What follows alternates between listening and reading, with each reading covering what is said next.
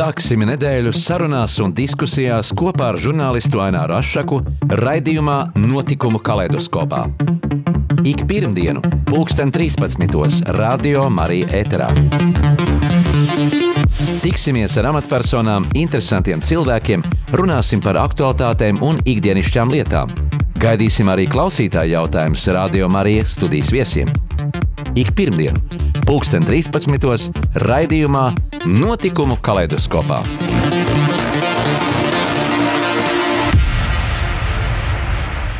Sveicināti radio klausītāji! Šodien studijā uz sarunu esmu aicinājis Latvijas neatkarības kustības 70. un 80. gada aktīvistu, vēlāk arī Helsinki 86 grupas dalībnieku un trīs zvaigžņu ordeņa lielvirsnieku Jāni Roškalnu. Piebildīšu, ka 1983. gadā VDK viņa dzīvoklī veids kratīšanu, tad sekoja apcietinājums, tiesa un piecu gadu ieslodzījums labošanas darba nometnē Pērmas apgabalā. Sveiks, Jāni! Sveiki. Jāni, tu un tavi laika biedri Gunārs Astra, Pāvels un Olavs Brūveri, Jānis Vēveris, Pauls Kļaviņš, arī citi, bijāt eh, tam laikam ļoti neordināri. Eh, jūs nepakļāvāties padomju uh, Eh, noteiktiem režīmam un faktiski mm, bijāt pirmie šejienes brīvības saucēji vēstneši. Nu, kā jums izdevās toreiz eh, darboties šajos konspiratīvos apstākļos un nepakļauties tai milzīgai totalitārai sistēmai un varai? Eh, jebkuros apstākļos var atrast pretošanās veidu, ja cilvēks tiešām to grib, ja, ja tā viņš no sirds grib un domā par to. Un tā bija arī mums, kad tie visi drausmīgie apstākļi, kas uh, Krievu okupācijas laikā bija, kad um, visur Krievu valoda uh, par latviešu nacionālām patriotiskām interesēm vispār nevarēja runāt neko, kas kaut ko ieminējās ne tā kā vajag, pret to čekatūjit vērš savus represijas, daudzi bija apcietināti, veikali bija tukši, izbraukt no valsts nevarēja, šodienas paudze jau vispār to nevar iedomāties kādi apstākļi tad bija. Tie apstākļi bija briesmīgi pat, patiešām, un mēs sapratām eh, to, ka ja, ja kaut kas nemainīsies, ja mēs eh, nepanāksim kaut kādas eh, izmaiņas un protestus, tad latviešu tauta pēc kādiem gadiem 20 vispār pārstās būt. Viss pāries uz krievu valodu. Man, piemēram, visi diplomi skolas ir krievu valodā. Jā. Tā laikā nebija ne šī tehniskā aprīkojuma, ne arī iespējas tā komunicēt, kā tas ir iespējams šodien. Eh, nu, kā jūs toreiz visi sazinājāties un komunicējāt, kā jūs vispār sapazināties visi kopā? Eh, mūsu Latvijas neatkarības kustībā bija 20 cilvēki apmēram latvieši, dažādās pilsētās, gan Rīgā, gan Ventspilī, Tukumā, citās vietās, un tie visi bija eh, draudžu locekļi, kristieši. Mhm. Un um, es visus viņus labi pa, pazinu, un ko, konspirācijas dēļ tā mūsu pretošanās grupas konstru, konstrukcija bija tā, ka uh, es vienīgais pazinu viņus, bet, un viņi zināja tikai mani. Viņi zināja, ka grupā ir vēl citi, uh, bet uh, savstarpēji viņi pazīstami nebija. Ja gadījumā kādu arestē, lai, lai tad tādai grupas iekrišana nebūtu. Un tas arī mums uh, palīdzēja tad, kad notika šīs skatīšanas un arests, kad bija daudz vienkāršāk. Čeka ne, ne, netika klāt, visi gali atnāca līdz manīm un viss. Jā, nu, padomju laikā mēs visi dzīvojam tādā izolētībā, un, un, un padomju sistēmai nebija izdevīgi parādīt to, ka uh, rietumos dzīvo daudz labāk, un rietumi, eh, tāpat kā tagad, tas arī Krievijā tiek darīts, tiek eh, nosodīti, un, un, un tie ir tie ļaunie, tie ir tie nacisti. Arī toreiz tāpat bija. Nu, presē bija raksti, jā, tikko kaut kur parādījās kaut kas latvisks, tā tas tika izsmiets, un, un arī apzināti viss šīs nacionālā patriotisma idejas tika dažādi nu, apspēlētas, ka tas nav nopietnas nekas, tas ir imperialisms, pagātne. un tā tālāk. Un tamdēļ jau mums arī bija tās, tas satraukums iekšējais, ka mums ir jāsāk darīt kaut ko, lai aizstāvētu latviešu nacionālās intereses un atgādināt par to, ka mums taču šī valsts bijusi sava. Un, un viena no spožākajām Eiropā Latvija bija tad. Un, un šī ir latviešu zeme, un tā ir okupācija. Un tad mēs sākām meklēt ceļus, kā mēs varētu pretoties, kā kaut kādas akcijas atgādināt par tiem laikiem, lai latvieši nenokar galvu, un lai stāv stipri un audzina bērnus arī latviskā garā. Jā, kad bija tas sākums, kad jūs nu, pirmoreiz sākāt saprast, apzināties un darboties, un kā jums izdevās izvairīties no šīm vajāšanām, izsekošanām? Tas gāja pa tādu dabiskās attīstības ceļu. Vispirms Pāvils ar Olafu Brūveru viņi uzņēma filmu, tur Krustpils ielā bija ieslodzīto, krimināli ieslodzīto nometne un, un tos veda katru dienu ar, ar tādām speciālām smagām mašīnām uz celtniecības objektiem. Un tas arī drausmīgi izskatījās viss tur ar suņiem un kā notika, un viņi nofilmēja to. Un, un pēc tam viņi arī vēl uztaisīja medicīnas institūtā anketas um, ar tādu aptauju, ar tur bija kā 20 jautājumi, kā jūs, cik jūs esiet apmierināti ar, ar ikdienas dzīvi, un tur bija arī tādi par latviešu valodu, un, un ar to iekrita viņi. Čeka ņēma to lietu un arestēja viņus abus divus, Pāvili un Olafu, un tiesāja, uh, un pēc tam rezultātā mm, viņiem atņēma pavalsniecību un izsūtīja visu brūveru ģimeni. Un kurā gadā pats ies, sāk iesaistīties šajā kustībā? Un tad, kad viņi nonāca tur, tad tas jau bija tāds cerības stars, jo viņi zināja, ko mums vajag, kādus tehniskos mm -hmm. līdzekļus, kādu palīdzību, un tad es meklēju ceļu, kā nodibināt ceļu caur dzelzs aizskaru, un viena no idejām bija toreiz e, no Zviedrijas un Somijas uz Tallinu katru piekdienu ienāca kuģi pasažieru, kur Zviedri un Somi brauca pamatīgi uzdzīvot un sēdienas vakarā atpakaļ. Un es aizbraucu uz Tallinu un Olevistes baznīcā, meklēju, kur varētu būt kāds cilvēks, ar kuru varētu nodibināt, lai viņš tiekās ar tiem zviedriem un somiem un nodod mūsu materiālus. Un man iepazīstināja ar tādu uh, Martu un Ansi. Izrādījās, ka viņi jau ar to nodarbojās, un, un mēs ļoti sirsnīgi iedraudzējāmies. Tā nākošajiem pāris gadiem tas bija kanāls, kad es katru mēnesi vairākas reizes braucu uz turienu, nodot priekš Pāvila Brūvera un Paula Kļaviņa materiālus no mums, no mūsu akcijām, un pretīm saņēma, teiksim, tur fotoprātu minoks, eh, dažādas palīglīdzekļus, arī tādas štempelis ar uzsaukumiem um, un, un daudz ko citu. Un tamdēļ šī saikne bija ārkārtīgi būtiska, un tā ļoti attīstīja arī mūsu pretošanās kustību.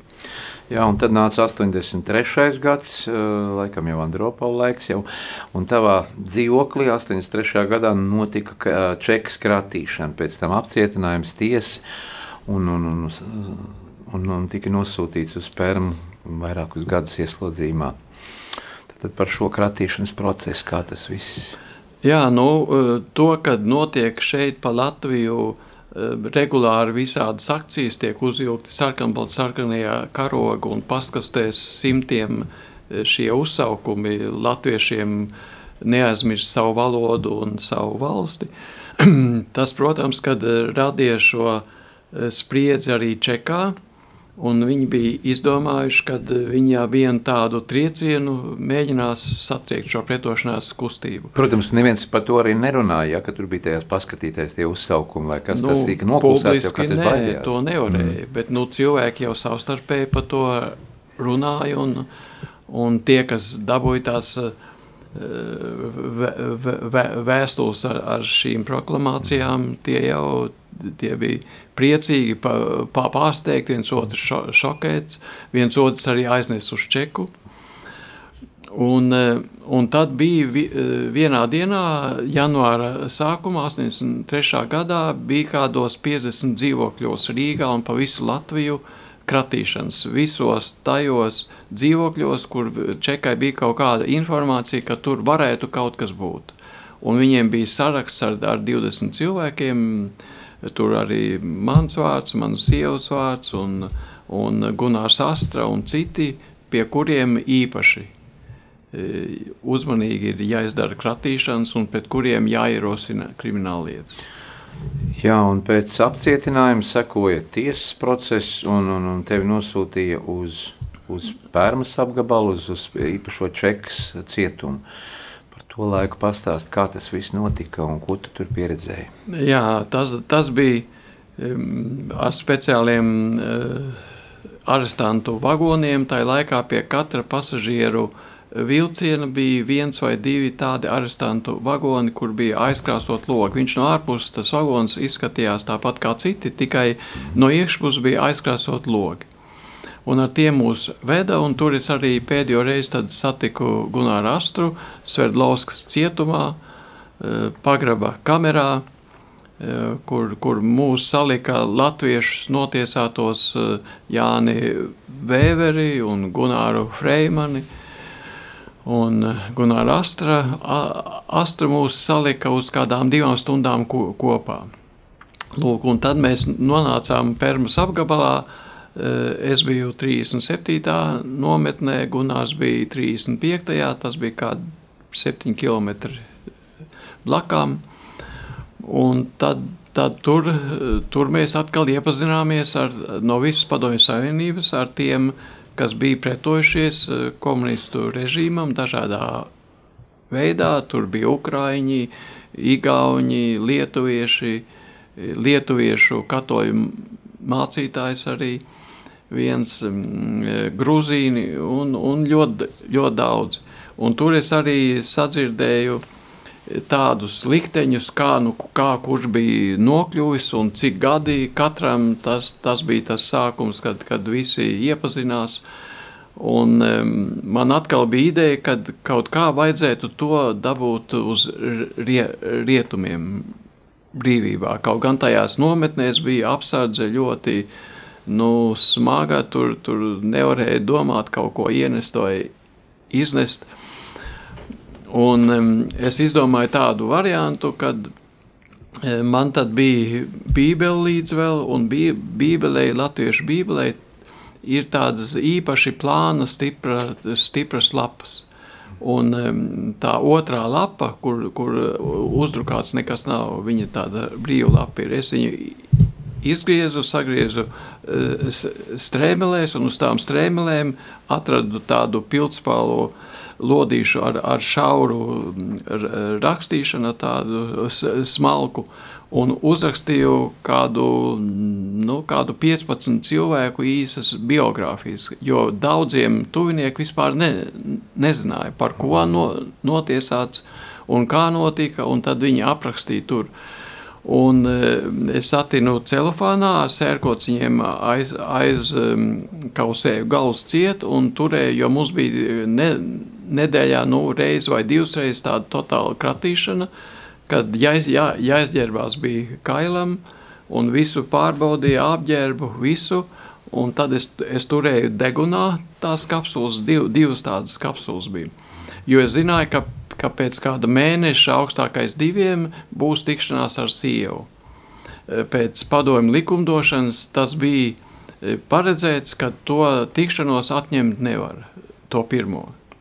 Jā, un pirms apcietinājuma tev arī mm, piedzima mm, meitiņas, un tas palika Rīgā. Dviņi piedzima, puisīts un meitiņa, Markus un Rita. Un, jā, viņa, protams, sieva palika viena ar, ar šiem bērniem, un, un kā tai laikā arī nevarēja ne pārtiku bērnu normāli dabūt, un viss bija ļoti grūti. Un, uh, tomēr viņa cīnījās uh, kopā ar Līviju Astru. Līvija brauc pie Gunāra, Gunta atkal brauc pie manīm pa šiem taigas ceļiem ar, ar somām pārtiku līdz, ko mums iedot. Pēc šiem daudziem Paldies. gadiem jūs ar sievu esat to pārunājuši. Viņa uh, nu, spēja to pieņemt, ka tajā brīdī tu uzupurēji ģimeni un, un, un, un Latvijas brīvības vārdā nu, rīkojies un, un, un riskēja faktiski, lai atstātu visu ģimeni. Jā, mums tādā ziņā bija vienprātība, un viņi jau arī piedalījās Latvijas neatkarības kustības eh, darbā. Man te arī ir fotografija, kur viņa uz rakstāmašīnas raksta starptautisku iesniegumu eh, uz diviem spilveniem. Tā rakstāmašīna, jo arī to nevarēja atļauties eh, brīvi, ja kaut kur kaimiņi dzirdēja aiz sienas, ka tur rakstāmašīna bieži raksta, mm. tad to jau viņi varēja paziņot čekai, ka tur kaut kas notiek. Tā, tādēļ vajadzēja, jo tad jau kompjuteri nebija, tad bija tikai šīs klapošās. Jā, šīs izsekošanas, diemžēl, veica mūsu pašu tautieši eh, pārsvarā, piekrīti. Eh, vai nu, pēc uh, no atmodas un atgriešanās no ieslodzījuma vietas es saticis savus vajātājus un uh, un, un, un, un, un izsekotājus, un acis pret aci ar viņiem ticies? Vai? E, nu, tos izsekotājus es faktiski nemaz neuzzināju, kas tie tādi bija, jo viņi jau arī slepus, bet es satikos ar mūsu e, tās čekas krimināla lietas e, izmeklēšanas vadītāju Strautmani, Andri. Tālāk drošības policijas Strautmans, jā. Vēlāk viņš bija drošības policijas priekšnieka vietnieks, un, un cik es zinu, tagad viņš pats sēž e, policijas cietumā. Jo viņš e, tādā krimināla lietā par spiegošanu Maskavas labā ar Adamsonu, viņš no Adamsona to informāciju bija nodevis uz Maskavu pa saviem veciem kanāliem droši vien. Bet nu, viņš, ir, viņš ir vienīgais man zināmais no tiem čekistiem, kad pēc tam, kad mēs jau atgriezāmies šeit, tad kādā gadījumā intervijas, vienas intervijas sakarā žurnālisti norganizēja man ar sievu tikšanos ar, ar viņu.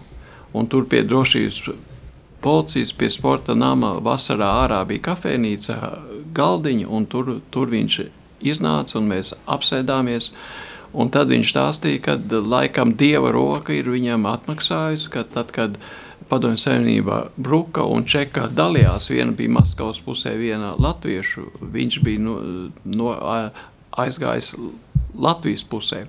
Un tad viņus tos galvenos čekas darbiniekus aizsūtīja kaut kur tur uz Ķīnas robežu, Padomju Savienībā, apsargāt to robežu.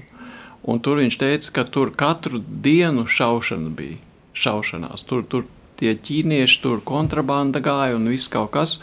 Un ļoti daudzi nošauti tika, un, un viņš saprata, ka katra, tā kā tagad Ukrainā kaut kur, ka viņam katru dienu viņš nezināja, vai vakarā viņš vēl būs dzīvs. Un tad viņš teica, es sapratu, ka tas arī ir atmaksa man par visu iepriekšējo, un viņš man un sievai lūdza piedošanu par to visu, ko viņš ir izdarījis arī pret mums.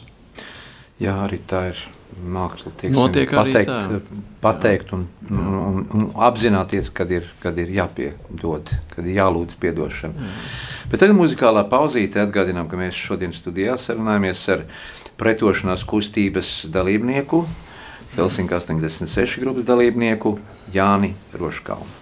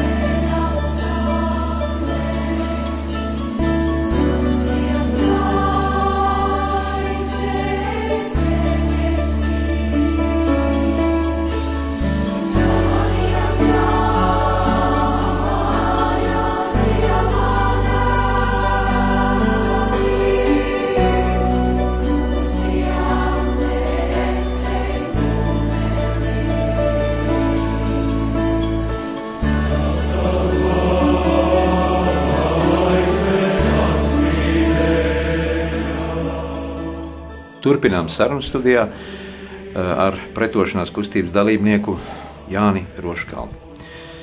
Jāni, šī ļaunuma vara, kā tā ir sadzīvojusi gadu gadiem, kāpēc tas tā ir, ka tieši šī Krievija kā lielvalsts uh, nu, nav mainījusies. Tā tas bija padomju laikā, tā tas ir šodien, Ukrainas notikumi. Uh, nu, no pagātnes uz šodienu šis tilts ir atnesis šo, šo ļaunumu auru. Diemžēl mums ir kaimiņš pagadījies tāds, kurš zīmīgs ir eh, gadus eh, simteņos. Ir tāda Viļa Vītola grāmata pārdoms par Krieviju sarkanos eh, vākos. Ārkārtīgi iespaidīgi, un viņš tur parāda ar tādiem interesantiem citātiem no vēstures, kad Krievija tāda ir vienmēr bijusi.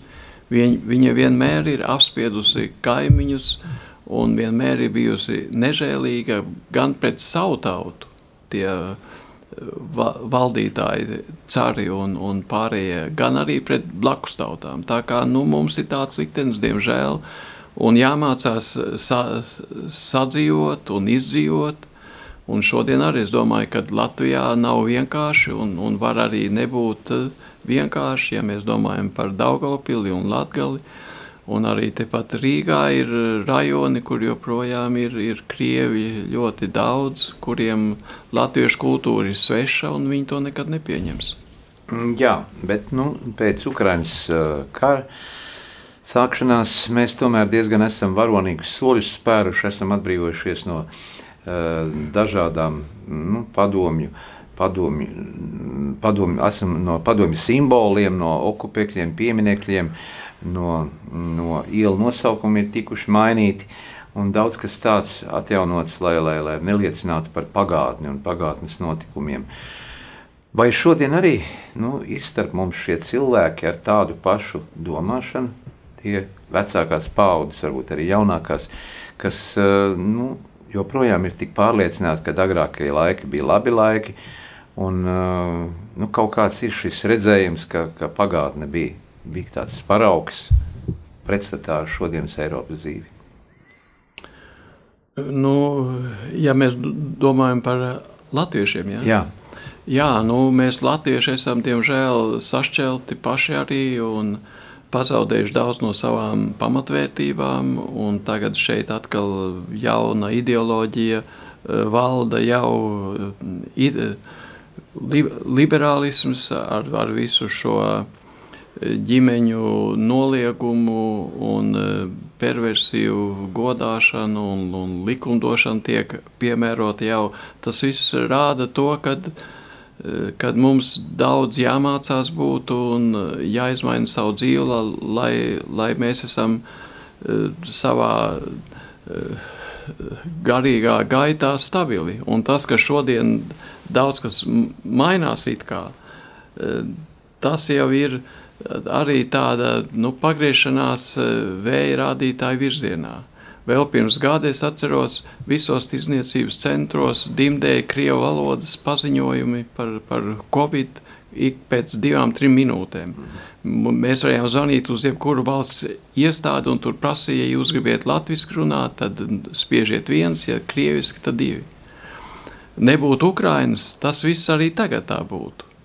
Un tādēļ nu, ļoti gribētos sagaidīt, kad uh, latviešu inteliģence, garīdzniecība un, un uh, prezidenta kancelēja un uh, saima, kad viņi nevis ir kā vējrādītāji, bet kad viņi aizstāv latviešu intereses. Protams, arī tas, ka mēs esam Eiropas Savienības valsts un arī NATO bloka valsts, tas arī tomēr mums dod šo drošību un kaut kādu garantiju. Nu, Palaimi, jā, ja, ja tas nebūtu, ja Eiropas Savienība nebūtu, tad, tad jau šeit uh, iespējams Krievu tanki jau būtu tagad arī. Jā, pirms uh, atmodas laika atgriežoties no ieslodzījuma Pērmas cietumā, tevi izsūtīja faktiski uz Vāciju. Un vairākus gadus tu nodzīvoji, gandrīz 15 gadus, jā, tā nodzīvoja Vācijā. Nu, kāda bija dzīve tur salīdzinot ar to, ko tu pieredzēji šeit, pirms apcietinājuma, apcietinājumā un pēkšņi nokļūstot nu, attīstīt, ekonomiski attīstītā valstī ar augstu pievienoto vērtību, ar uh, sociālo nodrošinājumu, ar darbu. Nu, protams, pilnīgi citi cilvēki. Ja? Jā, nu, tā bija kristīgā rietuma pasaule, par ko bija dzirdēts daudz, bet piedzīvot to, tas, protams, tajā, tajā laikā īpaši bija tāds pārsteigums un, un platas acis bija uz ļoti daudz ko. Bet es tikai pieminēšu to, ka 87. gada vasarā mēs organizējām 14. jūniju to pirmo demonstrāciju Padomju Savienībā, pēc tam 23. augustu, tad mūs atņēma veselai grupai padomju pavalsniecību un izsūtīja.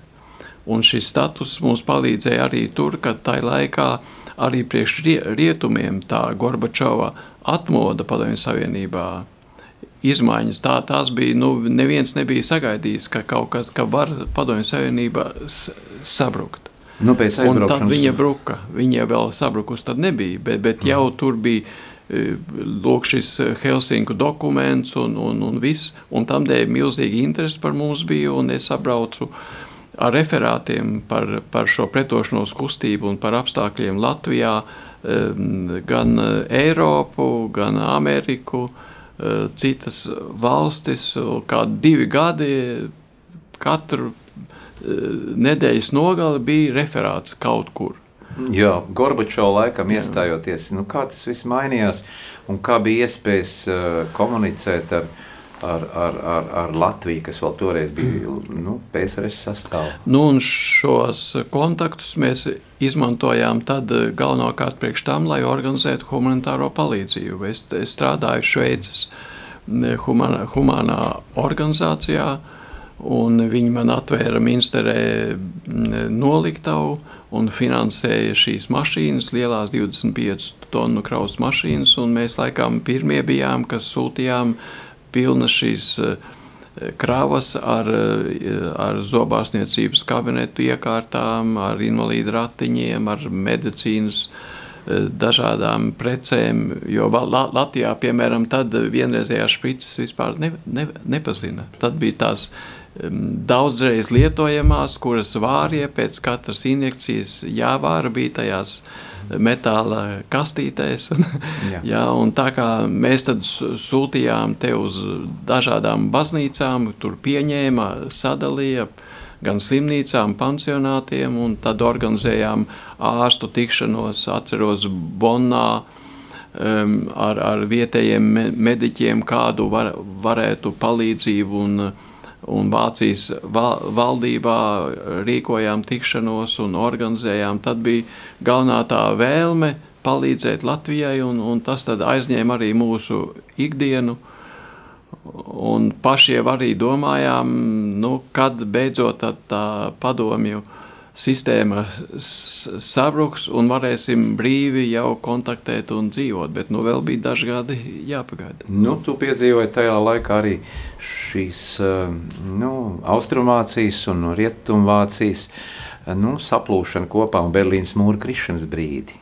Jā, visu to sēdējām pie televizora. Tā bija sākumā, momentā bija tāda eiforija arī. Šis. Jā, protams, protams. Un par to mums visu arī eh, prasīja visādās intervijās, ko mēs domājām, do, domājam par to, un cik tas nopietni, un vai tiešām tā būs, ja, ja, ja tas ir kaut kāds teātris tikai. Jo rietumos jau nesaprat arī īsti, kas te notiek, un tas tiešām nopietni ir, kad padomju savienība brūk. Tā kā jautājumi bija daudz un interesi bija liela, un mēs to izmantojām arī šiem kontaktiem, kas pēc tam arī mūsu dzīvi veidoja visus tos 15 gadus uh, uz tā fundamenta, no š, uz šo izveidoto attiecību. Tur, tur daudz tās iestādes un cilvēki simtiem iepazina mūs, un mēs iepazinām viņus, jo rietumi jau arī tā jau paradīze nav. Tur jau ir arī dažādas cilvēku šķiras, un, un ne visi ir ņemami nopietni. Jāuzmanās tāpat tās bija, bet tas mums deva tādu pam, pamatu. Jā, vai tomēr šī pādušā pasaule, šīs uh, pādušās rietumvalstis, nu, šodienas notikumos arī spēja līdz galam iedziļināties un saprast uh, šos Ukraiņas notikumus. Um, Nevēl tiek minēts, ka tur Baltijas valstis un Polija uh, to izprot daudz vairāk, ka Ukrainai ir, ir vajadzīga šī palīdzība, šis militārais nodrošinājums, lai lai tā spētu aizsargāt, aizsargāties no Krievu karaspēka. Vai šodien Rietumvalsts tā līdz galam izprot? Es domāju, tieši nu, cilvēci, vairums cilvēku. Jā, tas nav viegls jautājums, jo mēs redzam to un saprotam, ka ja tā rietuma militārās tehnikas atbalsts un palīdzība būtu sūtīta tā koncentrēti tūlītās, tad tas karš varbūt jau būtu beidzies. Tas viss tiek tā pa daļiņām, ar, ar visādām atrunām. Mēs sūtīsim, bet vēl ne, nevaram, varbūt pēc gada, varbūt pēc pusgada, bet par to, par šo kavēšanos tiek maksāts ar, ar tūkstošiem ukraiņu dzīvībām. Katru dienu tur arī vairāk simti katru dienu iet bojā. Jā, nu tu kā bijušais eh, faktiski politieslodzītājs, nu, kā tu saskati šos notikumus, šīs deportācijas, kas tagad notiek no Ukrainas ar cilvēkiem, ar bērniem, kas tiek izsūtīti uz Krievijas tāliem apgabaliem? Nu, baismīgi tas ir genocīds visīstākais un, un tas uh, labi, kad vismaz tiek visi šie gadījumi, ja vismaz liela daļa no tiem dokumentēta, un jau ir desmitiem tūkstoši pierādījumi juridiski sagatavoti un gatavojas šī tiesa. Bet nu, kā tie procesi tālāk ies, to ja mēs šodien arī saprast ne, ne, nevaram, jo, jo tie kodoli ieroči Krievijai ir. Un viņa nemitīgi piedraud un atgādina, ka, ja notiks tas un ja tas, tad, tad viņi izmantos visas iespējas. Tagad arī šie tanki, rietumi, kas jau sāk nākt iekšā, kad tur viņi piedraud arī. Redz, var jau gadīties, kad, kad viņi sāk nu, ne jau kaut kādu lielu kodola bumbu, bet ar tiem pašiem artērijas lādiņiem, kuriem ir kodola ga, galviņas, kuri uzsprāgstot eh, lokālo. lokālo jā, tur kādu teiksim, kvadrātkilometru vai divu kvadrātkilometru. Un ka tā vienā vietā, otrā vietā, bet nu, tas ievadīs atkal pilnīgi jaunu situāciju. NATO ir gan paziņojis, ka, ja tas no, notiks, tad, tad viņi nopietni to līdz šo jautājumu ņems un iesaistīsies. Un mēs zinām, ka Portugālē ir NATO bāze, kur ir tie uh, trīs stūra veida tie vismodernākie iznīcinātāji B2 spiriti. Un viens tas eh, iznīcinātājs varētu jau dažu dienu laikā iznīcināt visu to Krievu karaspēku ar visām bāzēm. Par to kaut kā gan nepiemina, bet nu, eh, iespējas ir. Bet nu, kā tas tieši ir? virzīsies uz priekšu, to, to man liekas, ka neviens nevar. Nu, tomēr pateikt. Eiropa un, un, un Amerika joprojām meklē šo kaut kādu diplomātiju, ja cer, ka teikši, nāk šis saprāts. Un, Un, un, un apziņot, nu, meklē, meklē jā. Bet nu, viņiem arī nav viegli, jo, jo sabiedrība uz viņiem spiež un, un e, pārliecināt tautas masas par to, ka tā vajag, un to jau ar viņiem nav viegli. Tā kā tur notiek tāda diplomātiska spēle, bet nu, pagaidām jau tomēr diezgan pozitīvi, jo, jo tā tagad gan tie tanki jau sāk gatavoti tikt, un, un pa lidmašīnām runā arī, un ja šī tehnika masveidā sāks iet, tad, tad tur mainīsies tā situācija uz labo pusi. Jā, nu daudz šodien arī sabiedrībā mēdz teikt un atcerēties, ka pagājušie laiki ir eh, bijuši nu, diezgan labi. Kaut arī cilvēki ir aizmirsuši šīs visas represijas un eh, šo demokrātijas trūkumu un totalitāro sistēmu eh, pieredzējuši un saka, ka nu, toreiz nebija nemaz tik slikti. Un kā tu vari kā politieslodzītais, nu, varētu to visu tā nokomentēt, salīdzinot to ar tām vērtībām, ko piedāvāja rietumi, ko piedzīvojām mēs dzīvodami aiz žoga. Jā, viss jau ir diezgan relatīvi, jo tajā laikā, padomju laikā, e, tad, teiksim, nebija tas e, spiediens pret e, ģimenes statusu, pret likumību, kas ir tagad. Un te ļoti no sara, man liekas, kādas pamatvērtības cilvēku prātos un sirdīs do, dominē ja, ja viņiem interesē tikai dzīves la, labklājība, tad, tad tas ir viens skats. Bet, ja interesē dziļāk, ne tikai labklājība, bet arī, lai, lai mums būtu stipras ģimenes, daudz bērni, lai skolās mācītu pamatvērtības, lai viņi būtu godprātīgi, likumīgi, kas ir satversmē 116. pantā ierakstīts, kad, kad mm, Latvijas uh, sabiedrībai ir pienākums aizsargāt likumību, pat ierobežojot netikumību. Bet šodien tādu vārdu likumību mēs pat nedzirdam gadiem, jeb arī pamatvērtības. Tā kā te viss ļoti re, relatīvi, un, un man pašam man svarīgāks ir šīs pamatvērtības, jo es gribētu re, redzēt ap sevi godprātīgus cilvēkus, Eh, kuriem ir svarīga ģimene, sava tauta, un kuri šo vērtību dēļ ir, ir gatavi arī daudz ko upurēt, aizstāvēt un cīnīties. Lai kā šobrīd brīvā pasaule tomēr mums ir devusi daudz iespējas iegūt izglītību pasaules augstskolās. Eh. Bet kādu tikumību tur nav? Tur Tikum. māca netikumību. Un tieši augstskolas ir viens profesija, no šiem. Profesija, arhitektūra. Pro, jā, medicīna. bet paralēli viņos iesēž šo, eh, šo perversiju godināšanu, rel, relatīvi, kad vairs nav eh, nekādu robežu, morālo dzīves principu, ka tikai valda visiem ir tiesības uz jebko.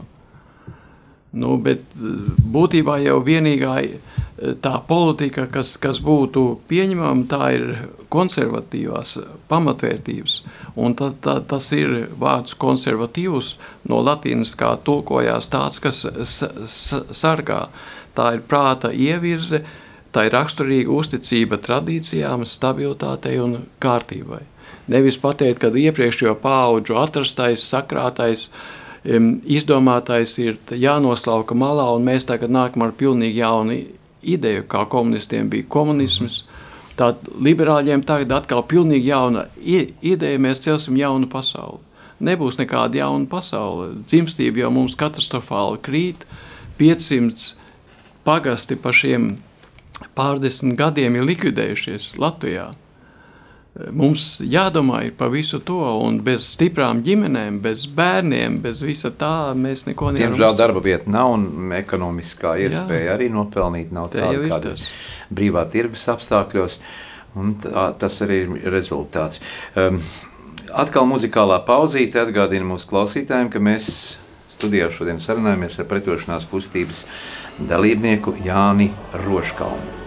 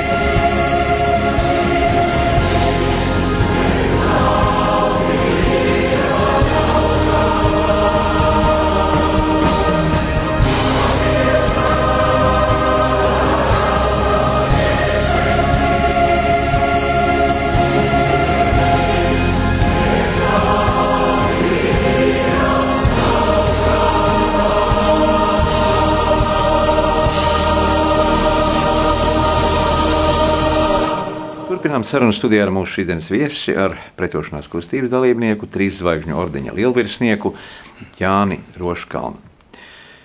Jāni, vai šodien eh, jaunieši, ja, ja, ja dzīvojat, vai viņiem arī šis mugurkauls būtu tāds, kāds bija jums, eh, vai viņi spētu stāties pretim arī mm, sistēmai, ja tā tagad to prasīt, ja teiksim, sasvērtos apstākļi. Piemēram, kaut vai obligātais dienas šobrīd ir diezgan daudz pretrunu šajā jautājumā. Nu, ar patriotismu es domāju, ka ir eh, bēdīgi diezgan. Protams, ka ir, ir viena varbūt tā zemesardzes daļa, kas tur jau piedalās, un tās tajās ģimenēs bērni tiek audzināti zināmā patriotismā, bet tā ir viena tāda daļiņa tikai, bet tā jaunatnē, ko mēs apkārt redzam un mēdījos dzirdam, un e, tā nekādu tādu optimismu neizraisa, un es nezinu, vai šodien, ja šodien būtu tāda, tādi okupācijas draudi, kas Latvijā būtu, jo mēs jau šodien pat nedrīkstam publiski teikt, ka Latvija ir latviešu zeme. Mums jāsaka Latvijas zeme. Bet, ja te dzīvos arī vai mm, arābi vai, vai e, citi mig migranti, tā arī būs Latvijas tauta. Bet nevis latviešu. Jā, studijā uz galda. Šī ir latviešu zeme. Latviešu zeme šeit uz galda ir daudz vēsturiskas fotografijas, kurām ir katram sava nozīme. Un tās ir tapušas uh, gan laikā, tad, kad tu um, nu, pirmās, pirmās demonstrācijās piedalījies, un arī jūsu pretošanās kustības dalībnieku sapulču fotografijas. Varbūt pakomentē, kas tās ir par bildēm. Te. Nu, te ir viena, kur 14. jūnijā mēs esam Basteikalnā, Helsinku grupa tur ir. Mēs stāvam un gaidām, kad beigsies tie riteņbraukšanas svētki, ko komunistu vara bija izgudrojusi, lai uh, lai mm, apturētu šo eh, demonstrāciju. Jo brīvā Eiropā un, un eh, pat tiem radio, kas pa vakariem skanēja no turienes, ko varēja, ja radioaparātos iemontēja speciālu bloku, tad mhm. varēja kaut kur atrast dzīvoklī tādu vietu, šodienas jaunatnē jau to nezinu vispār. Ja tu tā vienkārši uz galda ieslēdzi radio uz to vilni, tad tur bija vienkārši troksnis mhm. un viss. Un tad tev bija jāiet pa dzīvokli, jāatrod kaut kur, laikam tas atkarībā no āderēm, tāda vieta, kur varēja pagrozīties, un, un tā varēja to Amerikas balsi un, un brīvo Eiropu sadzirdēt. Un tā bija kurš... pirmā demonstrācija, pieminot uh, padomju okupāciju, jā, uh, jā, deportācijas. Jā, tieši tā, 14.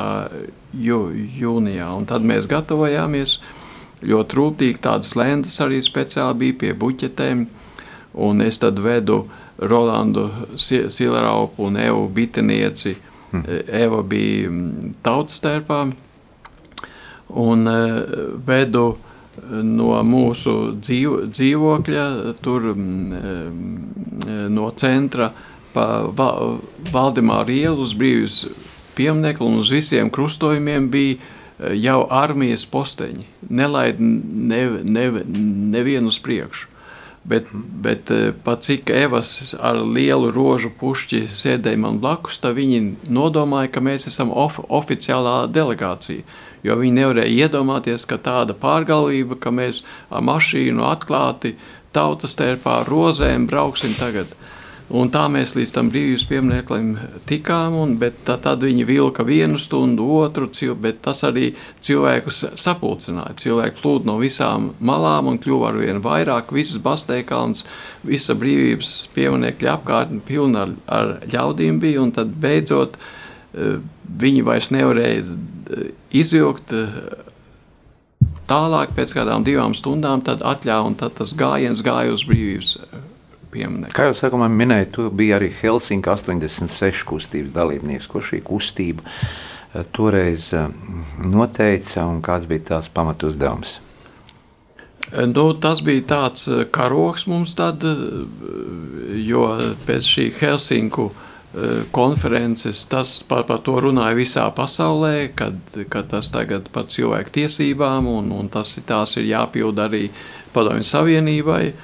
Un tamdēļ tai čekai bija diezgan grūti tā brutāli Helsinku grupām uzbrukt. Viņas tika veidotas visās padomju republikās, un viņi mēģināja visādas provokācijas un visu kaut ko, bet tā brutāli tieši paņemt visus ciet un iesēdināt, jo tad tad rietumi būtu bļāvuši uzreiz un klieguši, nu kā tad jūs parakstījāt dokumentu un, un tagad ar, arestēja. Tā kā mēs izmantojām e, šo karogu, un lai arī rietumos saprastu, ka mēs esam šai procesa ietvaros, ka mēs e, nu, neesam par kaut kādām radikālām idejām, bet ka mēs esam par neatkarību, par savas tautas tiesībām, un, un tas ļoti palīdzēja tad.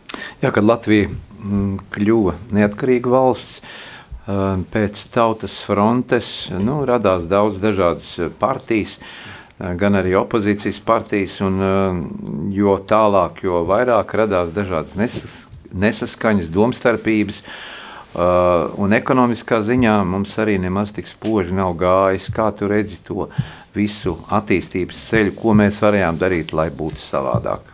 Nu, redzi, un, un te, te ir tas uh, svarīgākais faktiski.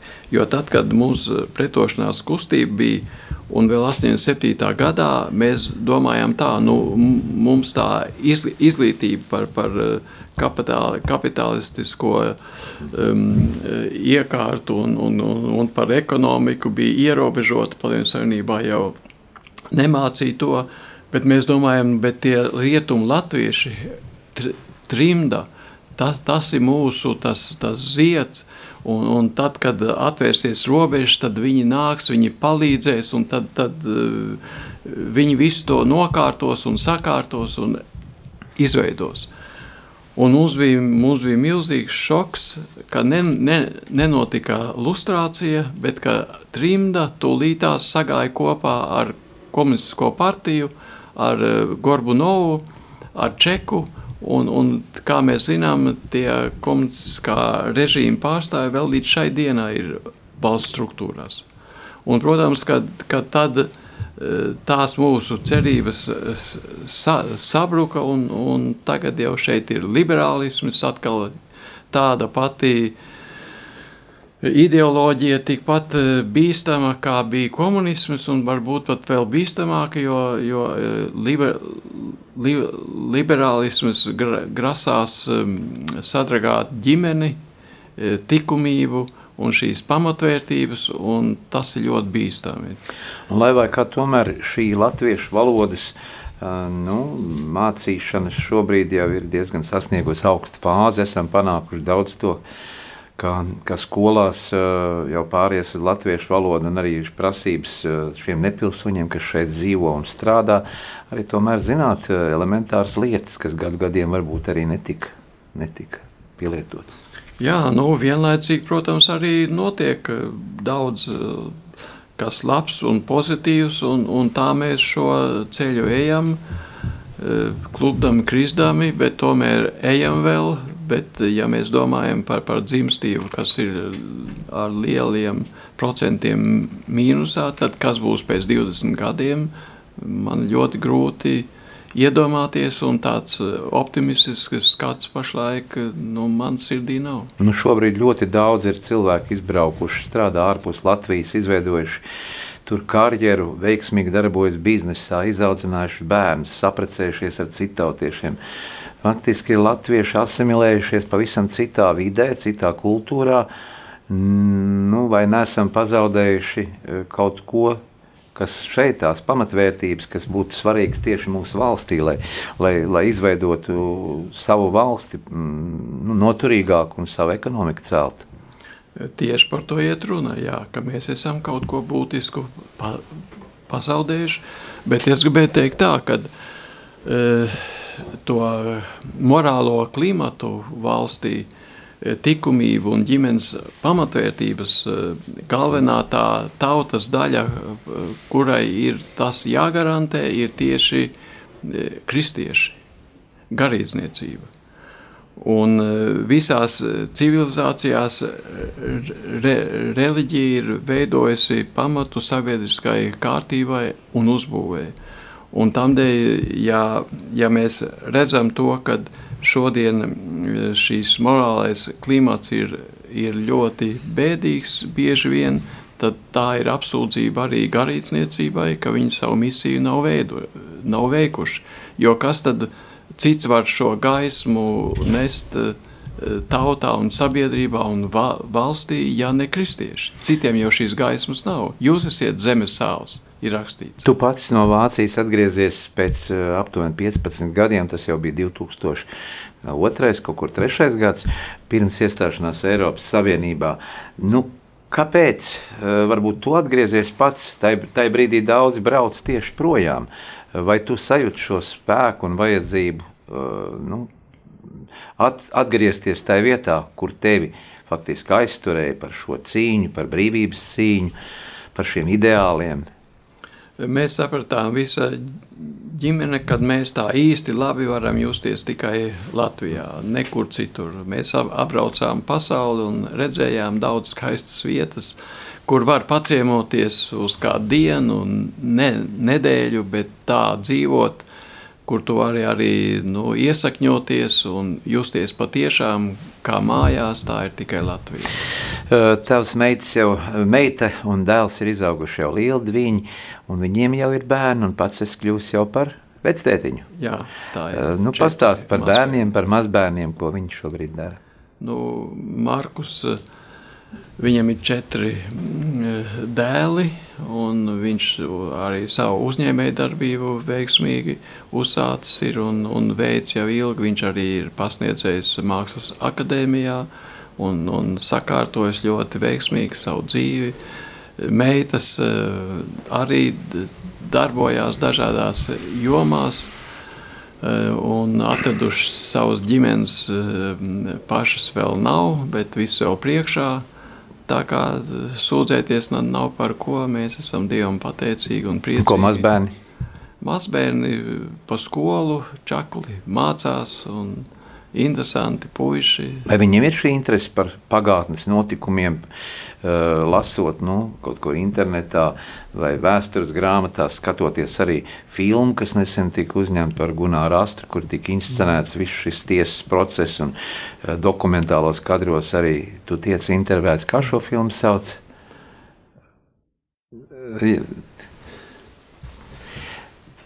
Kā tā nu bija? Esības vējos. Stu, stunda. Drosmes stunda. Drosmes stunda jā. Tātad filma Drosmes stunda, kurā arī tu tiki intervēts par pagātnes notikumiem, un vai šiem taviem mazbērniem arī ir intereses par tiem notikumiem un par tā laika procesiem? Trīs jaunākie vēl viņiem tas stāv priekšā, viņi vēl pagaidām īpaši to neizprot. Bet vecākajiem, jā, protams, ir interese un, un jāsaka, tādu ļoti, ļoti lielu izpratni mēģina uzzināt daudz ko. Bērni vispār mums arī mēģina e, fotografijas apkopot jau un lūdzu, lai katrai bildei otrā pusē uzraksta, kas tā pa vietu un, un kas pa notikumu. Un, tā kā, jā, ir interese. Jā. Mūsu sarunas laiks tuvojas noslēgumam. Uh, Eh, kāds ir Jāni tavs novēlējums mūsu radio Marija Latvijas klausītājiem, ko tu gribētu novēlēt?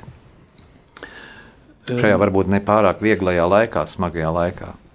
Jā, nu mums ir eh, jāapzinās tas, ka no apmēram 5000 tautām pasaulē eh, tikai kādām 95 ir savas valstis, mēs ar nepilniem diviem miljoniem mums arī ir sava valsts. Eh, un tā ir ārkārtīgi liela vērtība. Jo mm, es atceros, ka arhibīskaps Vanaks ir teicis, ja nebūs Nacionālās Latvijas valsts, drīz vien nebūs arī latviešu. Un, eh, lai mums nekad nav jāpiedzīvo tas, kad, kad mēs esam pazaudējuši šo tautas nācijas statusu un vairs paliktu tikai atmiņās, ka kādreiz mums bija sava nacionāla valsts, sava tauta, un tagad mums vairs tas nav. Tādēļ sargāsim to, lai mums vienmēr mūsu bērniem, bērnu bērniem, vienmēr ir par ko priecāties un kur dzīvot un kur sajusties kā mājās. Jā, un gribētu arī mūsu radioklausītāju vārdā, savā vārdā arī pateikt lielu paldies par to drosmi un tā laika nu, cenšanos panākt to, lai mēs dzīvotu labāk, lai mēs nonāktu citā sabiedrībā, izbēgtu no totalitārās sistēmas un nokļūtu demokrātiskā vidē. Mm.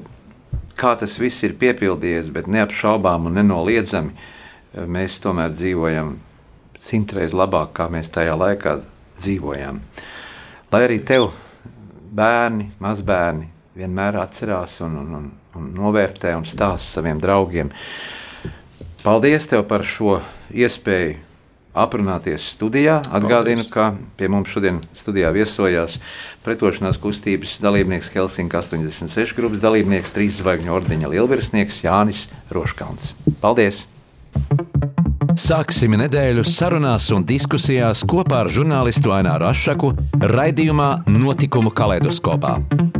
Ik pirmdienu, pulksten 13. Radio Marija Eterā. Tiksimies ar amatpersonām, interesantiem cilvēkiem, runāsim par aktuālitātēm un ikdienišķām lietām. Gaidīsim arī klausītāju jautājumus Radio Marija studijas viesiem. Ik pirmdienu, pulksten 13. raidījumā Notikumu kaleidoskopā.